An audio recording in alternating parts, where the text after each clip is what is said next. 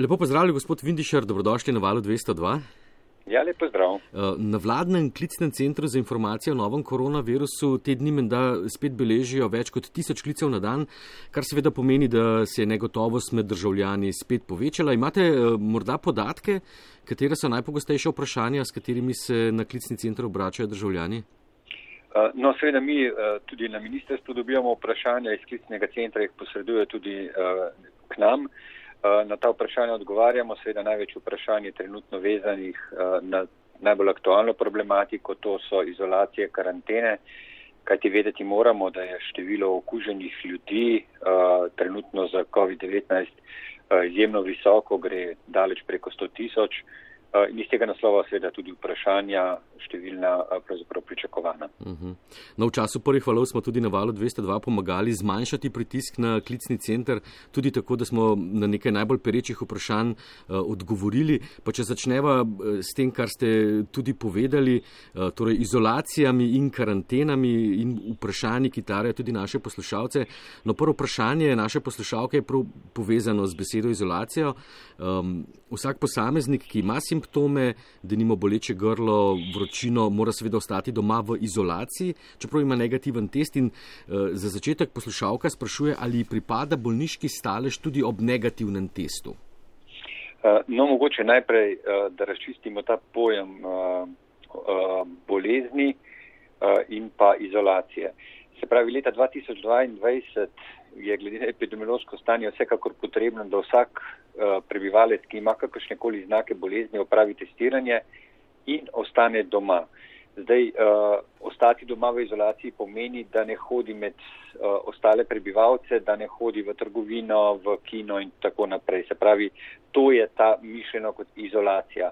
Sicer imamo mi v zakonu uh, besedo osamitev, uh, Eh, ki je pravzaprav zelo, zelo podobna uh, namen. Se pravi, oseba naj ne hodi okrog. Uh, to, kar ste me pa vprašali, da tudi če ima oseba simptome, se pravi, ima znake okužbe dihal in, in ima negativni test, bodi si hitri hitri, kot hitri antigenski test ali kot ha, samo testiranje, naj ostane, ostane doma.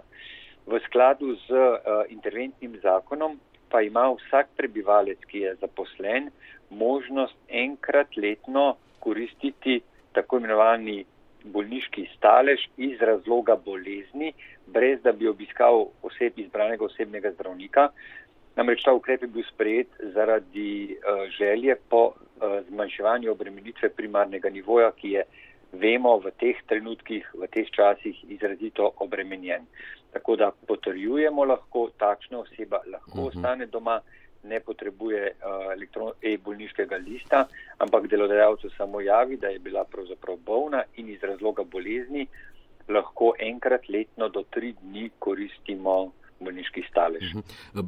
Morda samo še za trenutek, če se pomudiva pri izolaciji. Ta izolacija, o kateri smo govorili, se pravi ob simptomih, pa ni enaka tisti odrejeni izolaciji pri potrjeni okužbi s COVID-19, kaj ne? Da, seveda. Ne. Eh, glejte, izolacija še enkrat, v, eh, tako kot je predvidena v zakonu o nalezljivih boleznih, je definirana kot osamitev. Eh, in ta izolacija nikakor ni enaka kot pa v primeru, da imamo pa okužbo za COVID-19 potrjeno. Mhm. Se pravi, v izolacijo gredo osebe po seveda zakonu o nalezljivih boleznih zaradi COVID-19, ki imajo s PCR potrjeno okužbo. Mhm.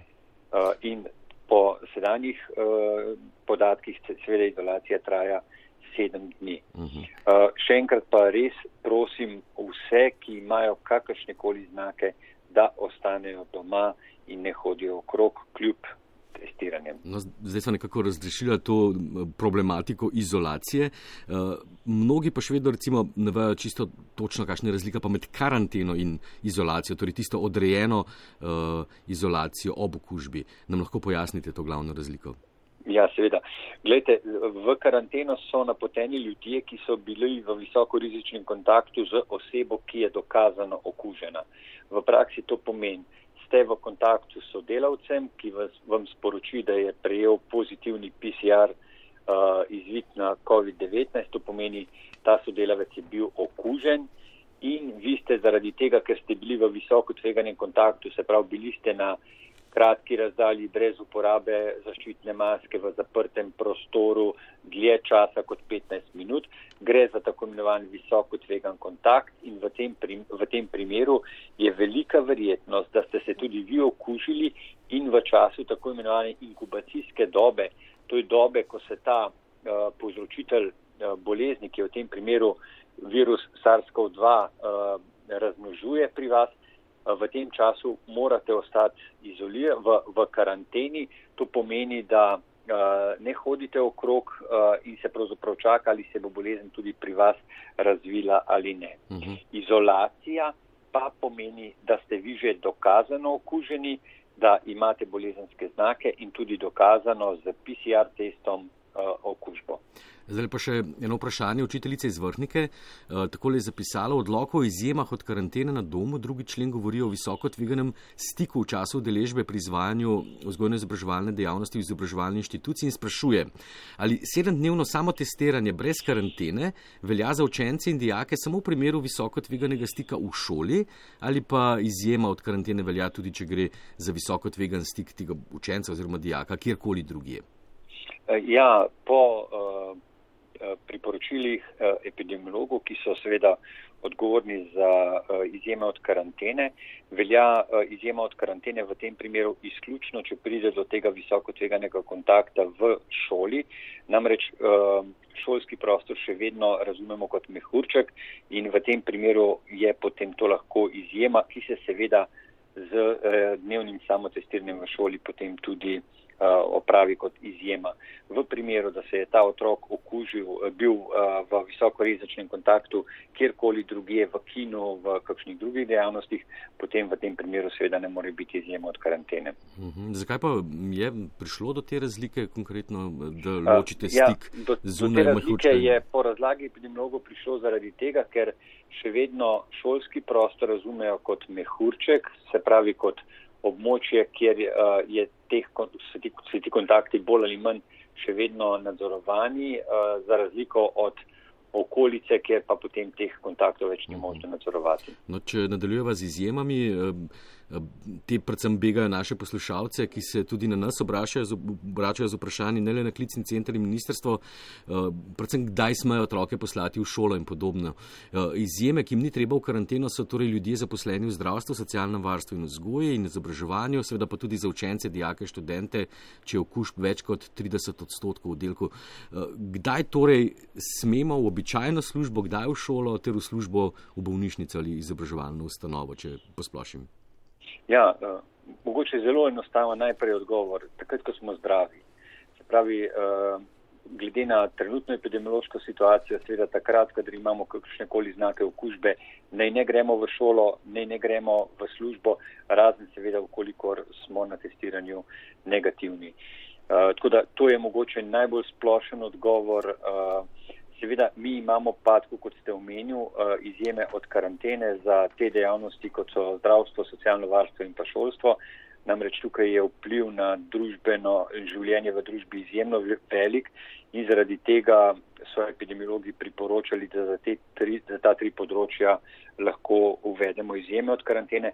Ob tem je pa potrebno povedati, da vsi ti, ki uh, koristijo to izjemo od karantene, morajo se dnevno testirati na delovnem mestu, hkrati pa uporabljati zaščitno masko FFP2 in seveda upoštevati tudi vsa ostala priporočila glede razkuževanja, prezračevanja zaprtih prostorov in podobno. Uh mhm. -huh.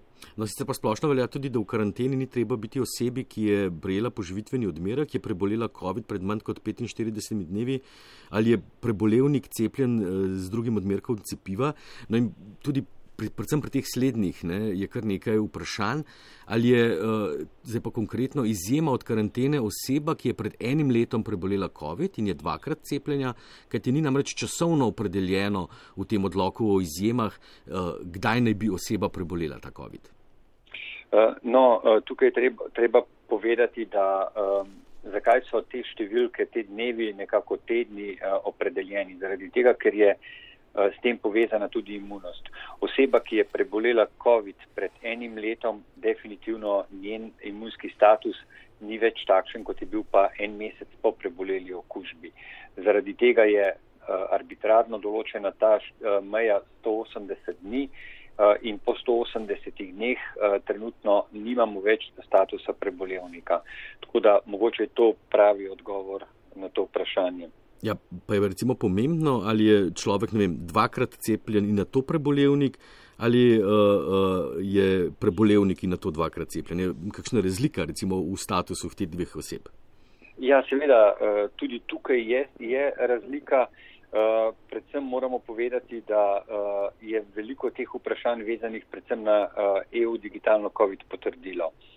Uh, namreč osebe, uh, ki so, pre, ki so bili najprej prebolevniki in so bili potem cepljeni v 180 dneh, to pomeni, da je njihov imunski uh, sistem vse čas zaščiten in v tem primeru je seveda njihov status drugačen, kot pa če se je naprimer oseba prebolela, pa se je potem cepila čez eno leto. Uh, v tem primeru seveda je s cepljenjem štartala uh, z začetnega stanja, v prvem primeru pa je že imela neko imunsko zaščito, če je bilo to znotraj 180 dni, kolikor je pač uh, arbitrarno določeno, da je meja za prebolevnika. Uh -huh. uh, kako pa je s temi pridobitvami QR kode za prebolevnike? Uh, Recimo, ta je to kljub možnosti, da izolacijo prekinemo po sedmih dneh, ne, kar je mogoče seveda od minulega ponedeljka, 24. januarja. Se pravi, da je pridobitev QR kode pa možno šele po 11. dnevu od pozitivnega testa. Zakaj? Tako je. Kar se tiče EU digitalnega COVID potrdila, sestavni del katerega je tudi QR koda, uh, smo seveda kot država zavezani Evropski direktivi. In v Evropski direktivi je jasno zapisano, da se status prebolevnika lahko izda z 11. dnevom po uh, opravljenim PCR testu.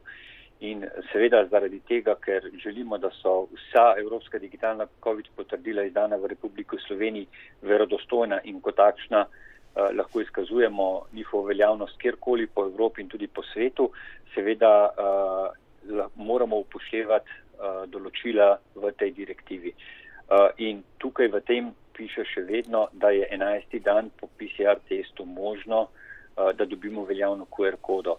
Eh, to smo tudi. Eh, ob spremembi uh, časa trajanja izolacije, ko smo um, omogočili na mnenje uh, infektologov, da se izolacija po sedmih dneh prekine, seveda s hitrim, negativnim hitrim antigenskim testom, uh, smo to jasno tudi povedali. Se pravi, gre za to, da uh, moramo upoštevati in zagotavljati, da je uh, EU digitalno COVID potrdilo, ki je izdano v Republiki Sloveniji skladno e Evropsko uhum. direktivo. Gospod Vindišar, do nedavnega so lahko okuženi ali domnevno okuženi upravljali PCR teste le na vstopnih točkah zdravstvenih domov. Odkdaj eh, te teste lahko upravljajo tudi zasebniki? Koliko jih je, kje so vse te točke, eh, kjer lahko upravimo PCR testiranje po novem in menda na te točke zasebnikov ni treba biti napoten strani zdravnika? Eh, no, mi smo že konec novembra eh, spremenili protokol za PCR testiranje, namreč predtem je bilo potrebno predhodno naročilo eh, izbranih osebnih zdravnikov, kar je seveda ob naraščujočem številu obolelih povzročalo velike težave v sami dostopnosti. In pravzaprav ta, ta sprememba, da oseba lahko opravi PCR test, Eh, tudi pri drugih izvajalcih, ki so seveda pooblaščeni, eh, je od konca novembra. Seveda je pa zdaj postala eh, predvsej bolj aktualna v teh časih. Se pravi, ko smo rekli, da oseba, ki ima pozitivni hitri antigenski test oziroma je opravila samo testiranje in ima pozitiven rezultat, se lahko naroč, gre lahko takoj na PCR testiranje, ki je v Republiki Sloveniji zaenkrat še vedno brezplačno predvsem z željo, da bi takšne osebe čim hitreje dobile uh, tudi uh, rezultat tega testiranja in na ta način vedle, kakšen je njihov status. S tem predvsem želimo, da bi bilo uh, čim manj širjenja okužbe, namreč oseba, ki pa ima pozitivni PCR rezultat in tudi tista, ki je šla na, na test in pravzaprav še čaka na rezultat, ne ostane doma, uh, ne počaka na rezultat, če pa je pozitivna, pa seveda nikakor, da hodi med ostale prebivalce, ker na ta način širijo okužbo. Se pravi, koliko je tega, je teh točk zdaj veliko, predvsem v Ljubljani so teh mest odprli še neprimerno več. Ali se je potrebno naročati ali ne, je pa odvisno od posameznega izvajalca in prosimo, da se prebivalci predhodno pozanimajo, ali ta izvajalec ima sistem naročanja ali izvaja ta testiranje tudi brez mhm. naročanja. Predvsem bi tukaj rad opozoril, da vsi tisti, ki želijo prekiniti izolacijo po sedmih dneh od potrjene okužbe, da vse te osebe gredo na ta testiranja z hitrimi antigenskimi testi ob koncu delovnika, kajti še vedno obstaja določeno tveganje, da so lahko okužni. Sploh po včerajšnjih rezultatih, ko vsi tisti, ki so želeli prekiniti uh, sedemdnevno karanteno, uh, to niso uspeli, ne? uh, vsaj na enem. Ja, včeraj smo sicer slišali podatke iz Maribora. Uh -huh. uh, sicer bomo verjetno danes slišali še odkot drugot, ampak verjetno je uh, teh prebivalcev, ki bodo še vedno pozitivni, uh, kar nekaj. Uh mhm. -huh. No, smo pa lahko slišali in brali v teh dneh, da je PCR testov na nekaterih točkah eh, zmanjkalo, uh, hkrati ponekod traja zelo, zelo dolgo, tudi več dni, da testirani dobijo uh, rezultate. Gre pa najbrž predvsem za tiste teste, ki jih uh, pošiljate na analizo v tujino. Okay, Eh, no, tukaj, gledajte, je potrebno omeniti, da PCR testiranje smo izvali seveda za diagnostične namene že veliko pred COVID-om tudi, ampak teh testov smo upravili 10 tisoč na leto. Uh, včerajšnja številka mislim, da je preko 18 tisoč, dnevno. Se pravi, gre za enormno povečanje. Uh, seveda je tukaj veliko vprašanj, zakaj uh, to delamo. To ustra, nekako ustrajamo še vedno s PCR testiranjem zato, ker je to diagnoza pravi oseba, ki ima pozitivni PCR, ima tudi upisano diagnozo in um, na osnovi tega lahko potem tudi vsi postopki v prihodnosti uh, bodo vezani na to diagnozo. To je podobno kot je diagnoza za zlom roke, je rentgenska slika, kot je patološki izvid za uh, rakavo bolenje, tako je PCR metoda pozitivna meto, uh, diagnostična metoda za okužbo uh, z virusom SARS-CoV-2. Seveda smo pri tem omejeni. Imamo dva glavna laboratorija, poiskali smo tudi pomoč v tujini. Nekako je naš cilj, da bi zagotavljali rezultate v 48 urah. Tukaj res prosim za potrpežljivost. Po podatkih se rezultati izboljšujejo. Mi bomo danes dobili tudi sveže podatke za tako imenovane pretočne čase, se pravi čas, v katerem je laboratorij bil sposoben opraviti Eh, preiskavo in tudi izdati izvid za eh, oba laboratorija. Eh, vemo, da smo tudi tiste nekih porodnih krčov, ki so bili pri pošiljenju tujino, je zdaj to rešeno. Tako da um, uh -huh. sem optimist, da bomo v Republiki Sloveniji, za razliko kar od nekaj evropskih držav, po zadnjih podatkih je bilo takih držav že osem, kjer so pa to že začelo puščati, z vsemi posledicami. Se pravi, tiste države, kjer več tega ne zagotavljajo, pri njih uh, bo potem potrebno uh, spremati, ne vem, verjetno ročne diagnoze, da je neka oseba prebolela uh, COVID-19. Mi smo imeli podobne težave uh, ob uvajanju hitrih antigenskih testov z vsemi posledicami, ko so potem prebivalci seveda popolnoma upravičeni hoteli imeti status prebolevnika, ampak ker ni bilo upravljeno testiranje, eh, eh, tega ni bilo možno zagotoviti.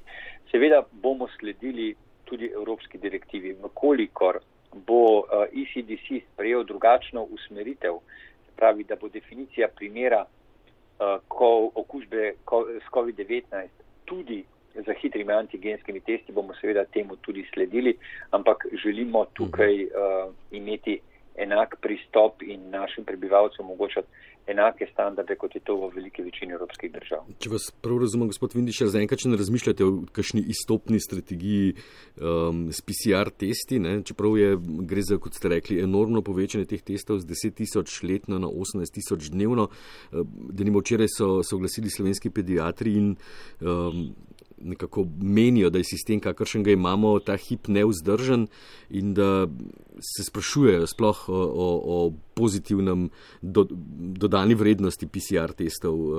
zaenkrat torej ostaja tako, kot je, ne razmišljate ja. kako drugače? Ne, gledajte, mi, mi imamo pripravljen tudi plan, če se bodo te številke še naprej povečevale in če bodo ti tako, eh, časi za izdajo izvidov eh, postali še daljši, kot pa so. Za nas je ta meja 48 ur. Uh, ja, prebral sem to mnenje pediatrov. Seveda tukaj moram povdariti, da v Republiki Sloveniji imamo uh, žal izjemno veliko, oziroma kar veliko število otrok za tako imenovanim multiorganskim multi, uh, vnetnim odgovorom.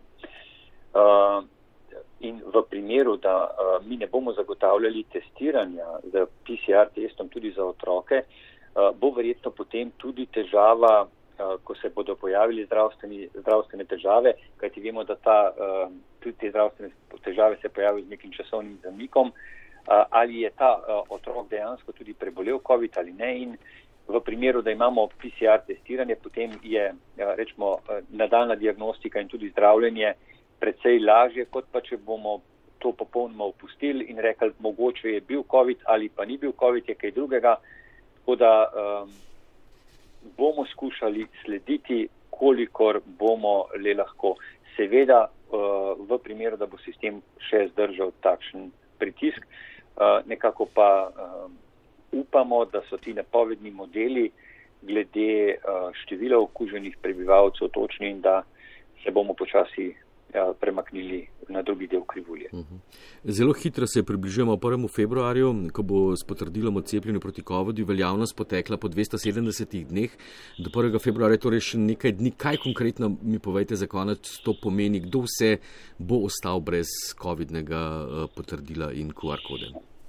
Uh, ja, brez evropskega digitalnega COVID potrdila bo od 1. februarja bodo naprimer ostale osebe, ki so bile uh, cepljene z dvema odmerkoma uh, mRNA cepiv pred 1. majem. Se pravi, vemo, da je veljavnost uh, digitalnega COVID potrdila omejena na 270 dni. Se pravi, tisti, ki so bili cepljeni z cepivi uh, AstraZeneca, uh, Pfizer oziroma Moderna. Uh, in pa ravno tako tudi tisti, ki so bili cepljeni z enim odmerkom Jansena pred 1. majem. In seveda potem uh, se ta čas uh, pod, uh, nadaljuje, ne, se pravi uh, z, z naprimer 10. februarja tisti, ki so bili cepljeni pred 10. majem in tako naprej. Uh mhm. Se pravi 270 dni je omejitev za tiste, ki so bili cepljeni, polno cepljeni z dvema odmerkoma. Eh, mRNA cepiv oziroma z enim odmerkom cepiva Janssen. Se pa teh 270 dni šteje od uh, prvega ali zadnjega cepiva? Od zadnjega. Uh mhm. -huh. od, od, uh, ja, od zadnjega pri dvokomponentnih cepivih oziroma od prvega, ker je pri Janssenu bilo samo en odmerek. Uh mhm. -huh. Tako, za danes so zaključila Franc Vindišer, državni sekretar na Ministrstvu za zdravje. Hvala lepa za vse te odgovore uh, in upam, da se boste še kdaj uh, odzvali našemu klicu, kajti vprašanj uh, bo najbrž v prihodnjih dneh in tednih še veliko. Ja, hvala lepa za povabilo in seveda z veseljem se bomo odzvali in tudi skušali pomagati pri pojasnevanju vseh težav, ki so vezani na epidemijo vsem vašim poslušalcem.